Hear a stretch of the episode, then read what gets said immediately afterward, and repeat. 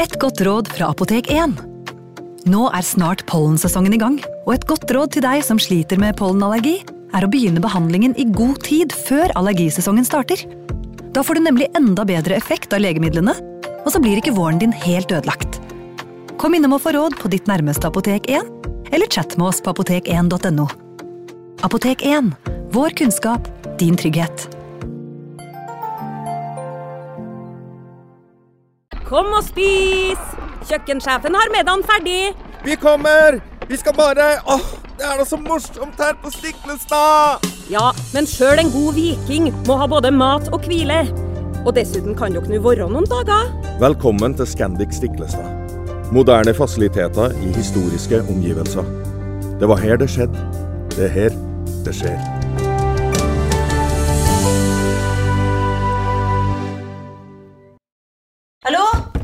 Oslo politikammer.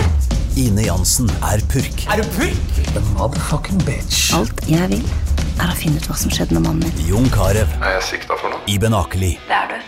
Ole So, Lars Berrum og Big Daddy Karsten. Hvem sin side er du på, egentlig? Anette Hoff, Tone Danielsen, Kommer du fra Afrika? Jørnis Josef, Nesten kløfta. Trond Espen Seim, Det er synd å si det, men det var feil mann som døde. Purk. Premiere tirsdag på TV2 Play. Advarsel. Historien du nå skal få høre, er basert på virkelige hendelser og inneholder flere grafiske skildringer av vold, drap og tortur. Vi advarer mot sterke inntrykk i deler av episoden.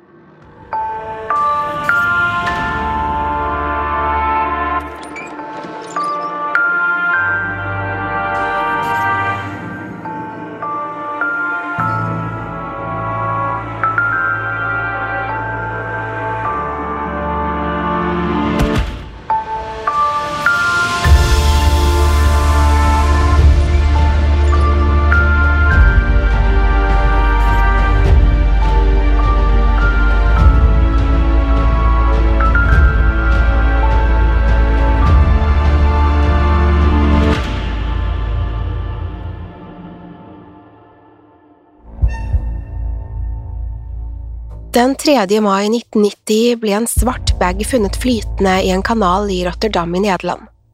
Innholdet i denne bagen var levningene etter en ung kvinne. Hodet og hendene hadde blitt saget av, og kroppen var brettet sammen og deretter bundet med tau. Det var et groteskt funn, men politiet i Rotterdam hadde ingen anelse om hvem denne kvinnen hadde vært eller hvor hun kom fra. Etterforskningen stagnerte uten at politiet var noe nærmere å identifisere liket. Dette gjorde samtidig at de heller ikke var i stand til å peke ut en mulig gjerningsmann. Det skulle gå hele 18 år før kvinnen ble identifisert som den 33 år gamle amerikaneren Melissa Halsted. Melissa hadde sist gitt fra seg et livstegn den 2. november 1989, da hun la igjen en beskjed på morens telefonsvarer. Men selv om familien hennes meldte Melissa savnet, ble hun aldri koblet til funnet av liket i Rotterdam. Ti år senere, i desember 2000, skulle et nytt lik bli oppdaget under nesten identiske omstendigheter. Det var nok et partert kvinnelik, men denne gangen ble offeret funnet i en kanal nordvest i London. Etter en omfattende etterforskning skulle likevel de to drapene bli koblet sammen. Ofrene hadde nemlig noe til felles. Begge hadde vært kjæreste med John Sweeney da de hadde forsvunnet.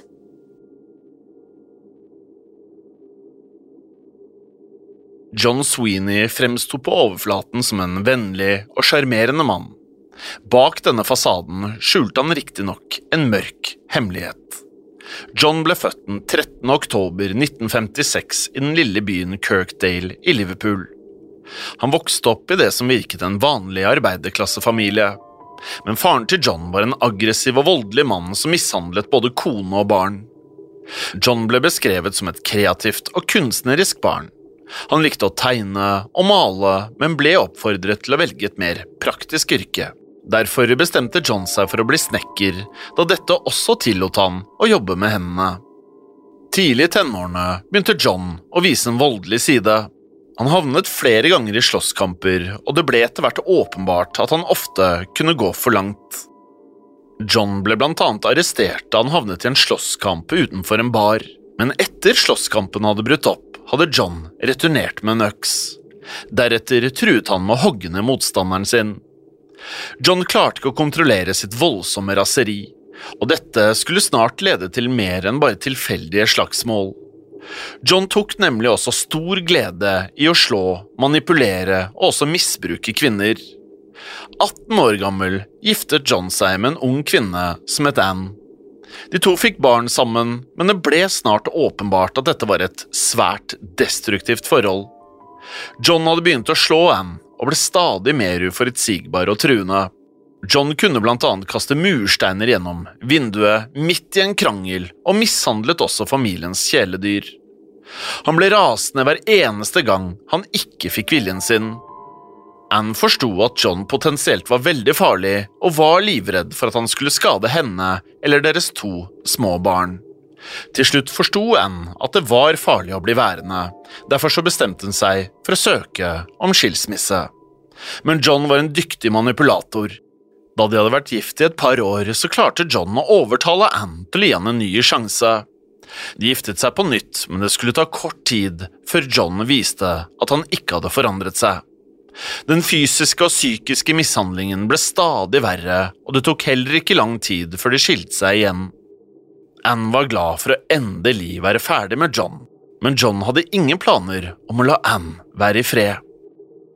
En gang da Anne hadde vært på besøk hos naboen, kunne hun høre merkelige lyder fra sitt eget hus.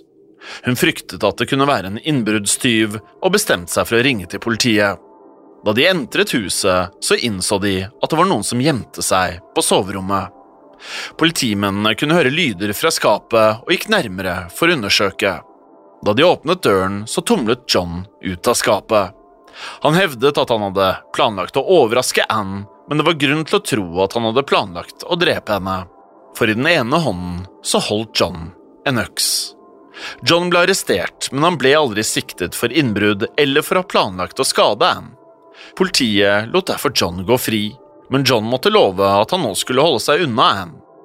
Anne følte fremdeles at hun var i fare, hun bestemte seg derfor for å flytte fra London sammen med barna deres. John hadde etter hvert blitt en kjenning av politiet i London. Han hadde også innsett at forholdet til Anne var over, og hadde ingen videre interesse av å beholde kontakten med barna. John bestemte seg for å forlate England og tilbrakte de neste årene på gjennomreise i Europa. Han var blant annet innom Tyskland, Frankrike og Nederland, hvor han tok på seg ulike strøjobber som snekker på ulike byggeplasser. I 1986 hadde John igjen returnert til England og hadde igjen slått seg ned i London. Her skulle han snart møte den amerikanske fotografen Melissa Halsted. Melissa var en smart og svært vakker kvinne som tidligere hadde jobbet som modell. Hun falt likevel for den litt rufsete sjarmen til John. Snart begynte de å treffe hverandre hyppig og ble etter hvert kjærester. De flyttet sammen i en liten leilighet i London, og det skulle ikke ta lang tid før John begynte å vise sitt sanne ansikt. John hadde umiddelbart fremstått som en hjelpsom og snill mann, men dette var bare hans måte å vinne Melissas tillit. Han hadde begynt å manipulere Melissa fra første stund, og hun innså altfor sent hvor farlig han egentlig var. Melissa ble utsatt for både psykisk og fysisk vold, men hun klarte aldri å få John ut av livet sitt. Melissas familie var bekymret og følte at John hadde svært dårlig innflytelse på henne. Hun ble stadig påført mer og mer alvorlige skader. Melissa skal også ha fortalt søsteren at hun fryktet for sitt eget liv. John ble stadig mer brutal, og Melissa endte opp på sykehus da han kastet en stol mot bena hennes. Politiet ble flere ganger tilkalt da naboene deres klaget over støy og høylytt krangling. Da politiet oppdaget at Melissa hadde blitt utsatt for grov vold, ble John arrestert. Han ble brakt til politistasjonen ved to anledninger, men begge gangene slapp han unna med en mindre bot. Selv om det var åpenbart hva som foregikk, fikk John lov til å returnere til leiligheten. Saken ble ikke fulgt opp av politiet, og det ble aldri gjort noe forsøk på å beskytte Melissa. I 1988 gikk Melissas arbeidsvisum ut, og hun ble tvunget til å forlate England. Hun flyttet dermed til Wien i Østerrike, og håpet kanskje at dette skulle bli en ny start. John bestemte seg riktignok for å følge etter henne, og var fremdeles like voldelig og uforutsigbar. Melissa valgte likevel å gi John en ny sjanse, men hun skulle snart angre på denne avgjørelsen. En kveld gikk nemlig John løs på henne med en hammer og endte opp med å slå henne i hodet. Han ble nok en gang arrestert, mens Melissa ble fraktet til sykehuset med kraniebrudd. Denne gangen ble John sittende en kort periode i fengsel. Han følte at alt hadde vært Melissa sin skyld, og han var innstilt på å hevne seg så snart han slapp ut igjen. Fra fengselscellen ga John uttrykk for sin frustrasjon gjennom billedkunst. Han laget blant annet et bilde som han ga tittelen En romantisk helg for to i Wien. Dette bildet viser en mann som holder en hånd rundt strupen på en kvinne. I den andre hånden holder han en kniv og forbereder seg på å drepe kvinnen. Det var liten tvil om at dette bildet var et lite innblikk i Johns mørke fantasier. Han hadde nemlig begynt å planlegge hva han skulle gjøre så snart han ble gjenforent med Melissa.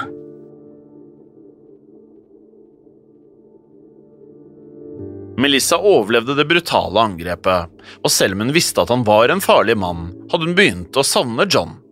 Hun tok derfor kontakt med politiet og tryglet om at John skulle bli benådet. Selv om han var tiltalt for drapsforsøk, så ble forespørselen innvilget.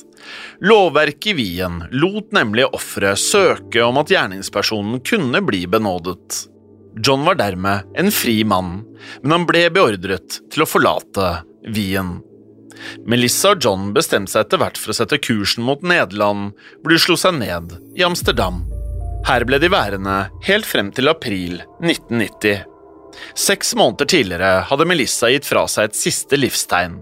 Hun prøvde å ringe til moren i Ohio, men fikk ikke svar. Melissa la derfor igjen en bursdagshilsen på telefonsvareren. Dette var aller siste gang familien skulle høre fra henne. Det er uvisst akkurat hva som ledet til Melissa sin død, men det var flere tegn til at John lenge hadde prøvd å drepe henne. Men det er også mulig at drapet ikke var planlagt. Det er heller ikke kjent akkurat hvordan hun døde. Basert på tidligere hendelser er det likevel naturlig å tenke at han gikk løs på henne med enten en kniv, hammer eller en øks. Men det som er kjent, er hva John valgte å gjøre med liket. Han hadde lenge fantasert om å partere et lik, og nå hadde han endelig muligheten til å virkeliggjøre dette. John begynte med å skjære hodet og hendene til Melissa. Dette ville også gjøre det langt vanskeligere å identifisere liket. Deretter brettet han sammen kroppen hennes med så stor kraft at ryggraden hennes sprakk. Han surret tau rundt kroppen og la henne i en stor bag. Deretter forlot John Amsterdam og tok med seg bagen med levningene. John satt så kursen mot Rotterdam, og politiet antok at han enten reiste med buss eller med tog. Det var uansett ingen som reagerte på bagen som nå inneholdt restene av kroppen til Melissa. Da John ankom Rotterdam, så ventet han til mørket falt før han dumpet bagen i en kanal. Den 3. mai ble bagen funnet i vannet. Den ble fisket opp, og politiet kunne snart konstatere at den inneholdt levningene etter en ung kvinne. Til tross for en storstilt etterforskning var det lite å gå på. Uten hode eller hender var det praktisk talt umulig å identifisere liket. Etterforskningen ledet ingen vei og skulle forbli uoppklart i over 18 år. Det hadde gått et halvt år siden Melissa prøvde å kontakte familien. De begynte nå å bli alvorlig bekymret og endte til slutt opp med å melde henne savnet. Politiet i Amsterdam undersøkte saken, men familien følte at de ikke fikk hjelpen de trengte. Ingen visste om hun fremdeles oppholdt seg i Nederland, og om hun fremdeles var sammen med John. Forsvinningen ble heller aldri koblet til det makabre funnet i Rotterdam.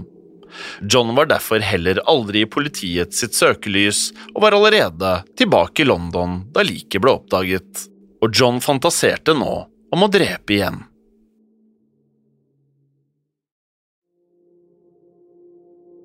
I 1991 traff John den 40 år gamle sykepleieren Delia Balmer på en lokal pub i Camden. For Delia fremsto John umiddelbart som en sjarmerende og verdensvant mann. De møttes tilfeldig på gaten noen uker senere, og det tok ikke lang tid før de innledet et forhold. John ga henne blomster og sjokolade, og hjalp også Delia med å pusse opp leiligheten hennes. Snart flyttet John inn og var for alvor i gang med å manipulere og bryte ned Delia. Delia ønsket å avslutte forholdet, men var redd for hvordan John kom til å reagere. Etter to år med fysisk og psykisk misbruk holdt hun likevel ikke ut mer. Delia ba John om å flytte ut av leiligheten, og selv om han først virket forståelsesfull, hadde han ingen planer om å forlate leiligheten. John fortsatte å manipulere Delia og lot henne aldri være i fred. Delia måtte stadig snike seg ut og komme med unnskyldninger for å få lov til å være litt i fred. I mai 1994 bestemte likevel Delia seg for å treffe en venninne, uten å be om tillatelse først. Da hun kom tilbake til leiligheten, kastet John seg over henne. Han bandt henne fast til sengen og misbrukte henne. John truet henne både med kniv og pistol, og gjentok flere ganger at han kom til å drepe henne. Delia skjønte at han mente alvor med truslene denne gangen.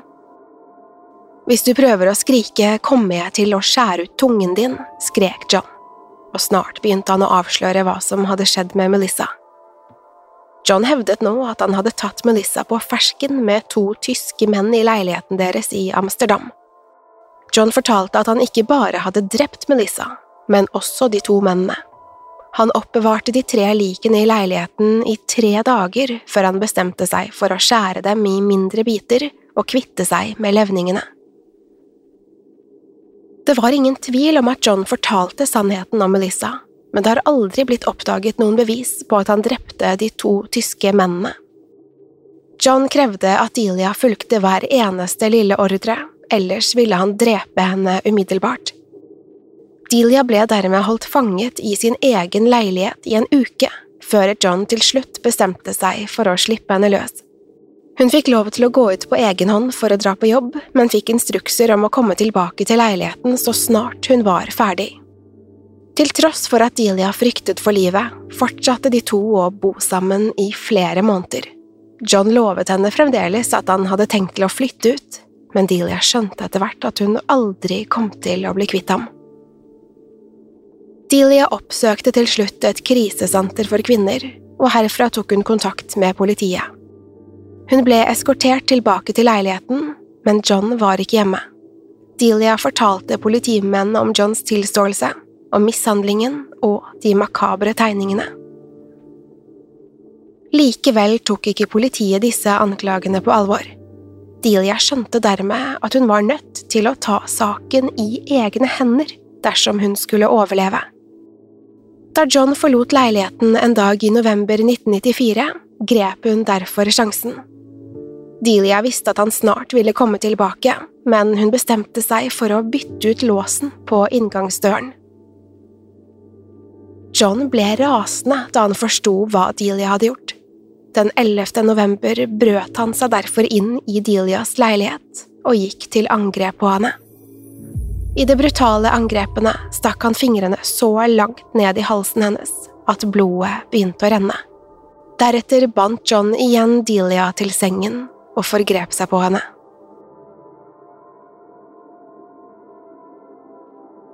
Neste morgen klarte Delia å rømme fra leiligheten. Hun tok igjen kontakt med politiet, men heller ikke denne gangen var John hjemme da politiet banket på. Politiet gjorde ikke noe videre forsøk på å beskytte henne, men ba henne ta kontakt dersom John skulle dukke opp. Allerede neste dag skulle Delia bli angrepet igjen. Denne gangen ventet John på henne utenfor leiligheten, og så snart han fikk øye på henne, så tvang han Delia med seg inn.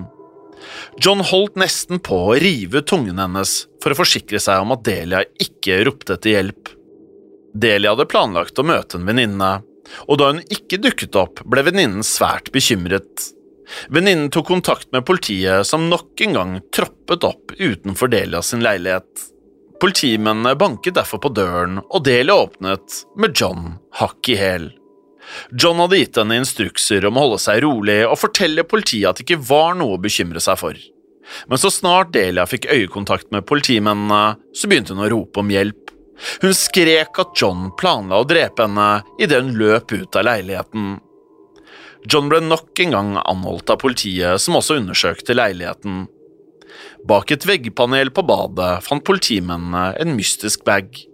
Denne bagen inneholdt blant annet en presenning, teip, hansker, tau og en ansiktsmaske. Dette var likevel ikke nok til å vekke politiets mistanke.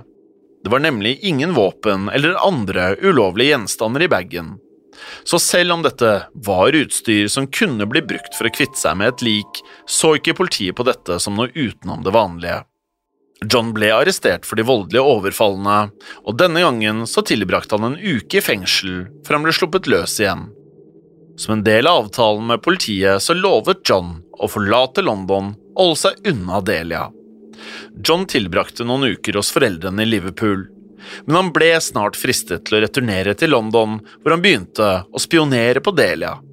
Hun hadde aldri følt seg trygg og visste at det bare var et spørsmål om tid før John ville prøve å kontakte henne igjen. Tidlig på morgenen 22. desember ble Delia angrepet utenfor leiligheten. Hun innså at John trolig planla å tvinge henne inn, så hun smalt igjen døren før han rakk å gripe tak i henne. Delia ønsket nå å konfrontere John, men hun innså snart at han holdt en øks i hånden. John prøvde å svinge øksen mot henne, men bommet. Han prøvde derfor å trekke en kniv fra beltet, men endte opp med å kutte seg på den skarpe eggen.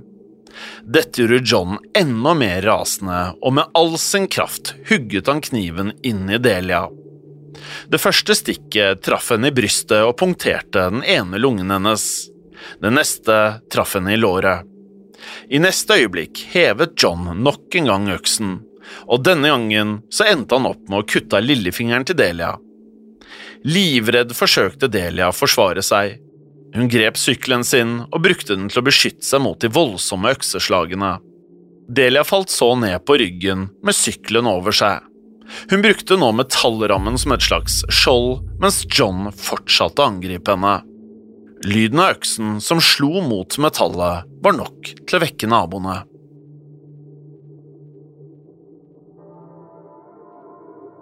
En nabo kom til unnsetning og forsto at Delia var i livsfare. Naboen kom løpende med et balltre, og dette var nok til å sende John på sprang. Delia ble hastet til sykehuset med en rekke alvorlige skader.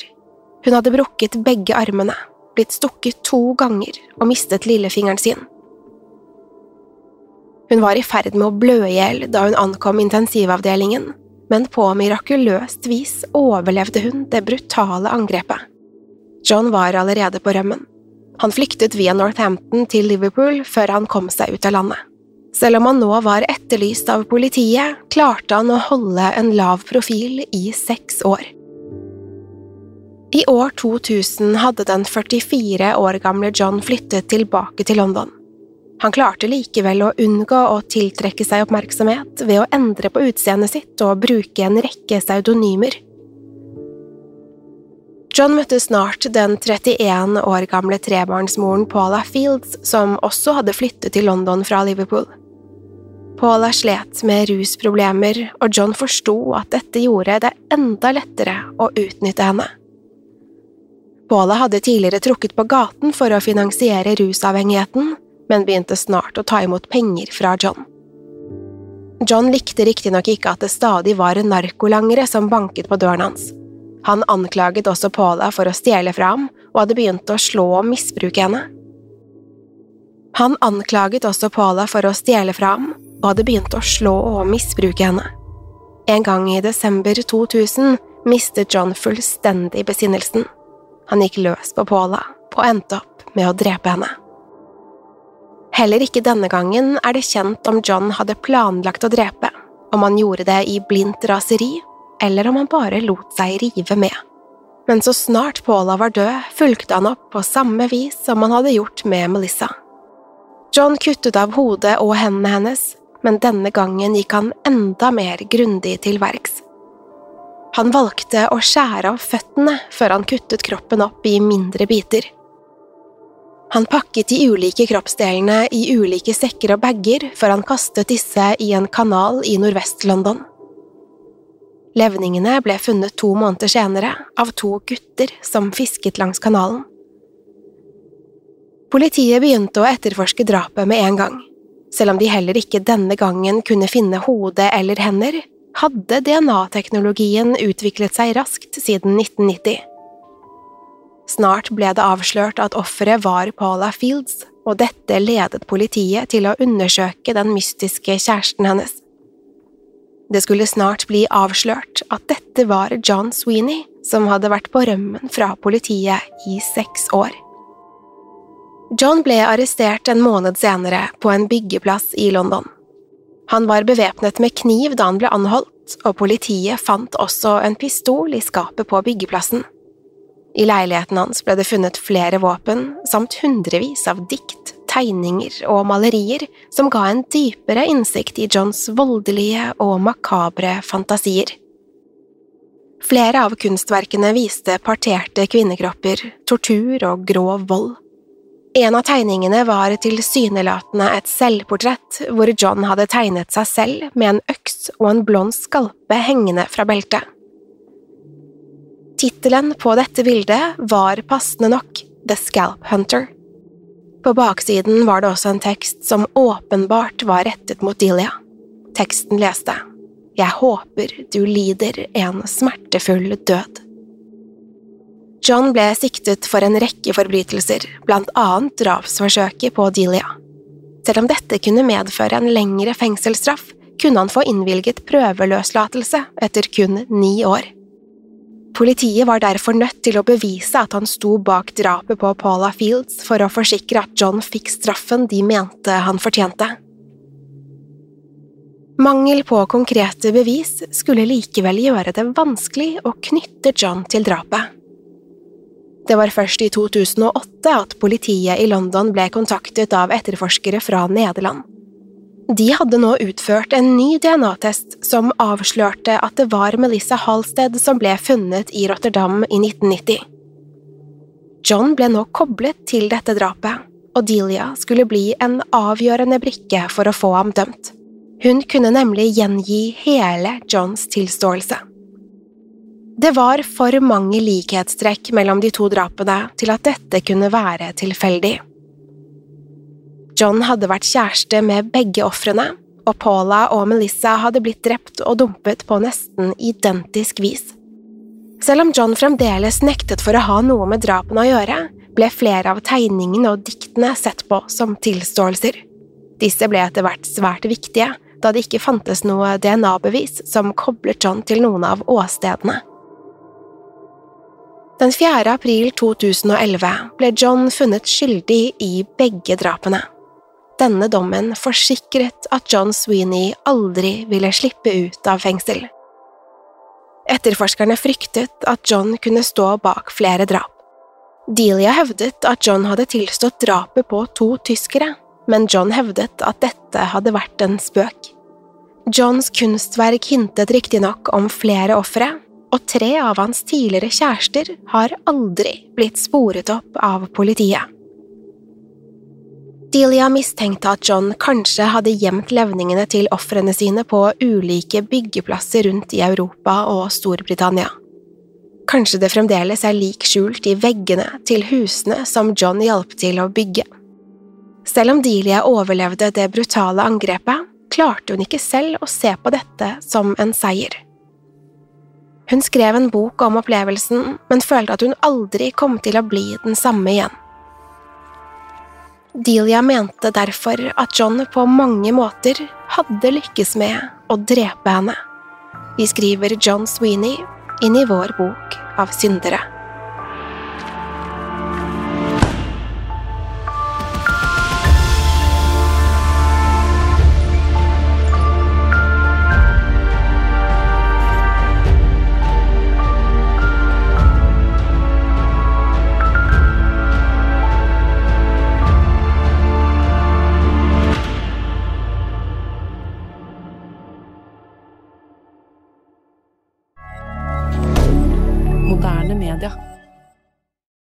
Har du et enkeltpersonforetak eller en liten bedrift? Da er du sikkert lei av å høre meg snakke om hvor enkelt det er med kvitteringer og bilag i fiken, så vi eh, gir oss her, vi. Fordi vi liker enkelt. Fiken superenkelt regnskap. Kiwi er billigst i VGs matbørs og har vært billigst i fire av de fem siste VGs matbørser. Og nå presser vi prisene på frukt og grønnsaker. På 200 gram broccolini setter vi prisen til 24,90. På 400 gram Cevita blåbær setter vi prisen til 49,90. Og husk, alle Kiwi Pluss-kunder får i tillegg 15% trumfbonus på all fersk frukt og grønt. For det er vi som er prispresserne. Og vi i Kiwi gir oss aldri på pris.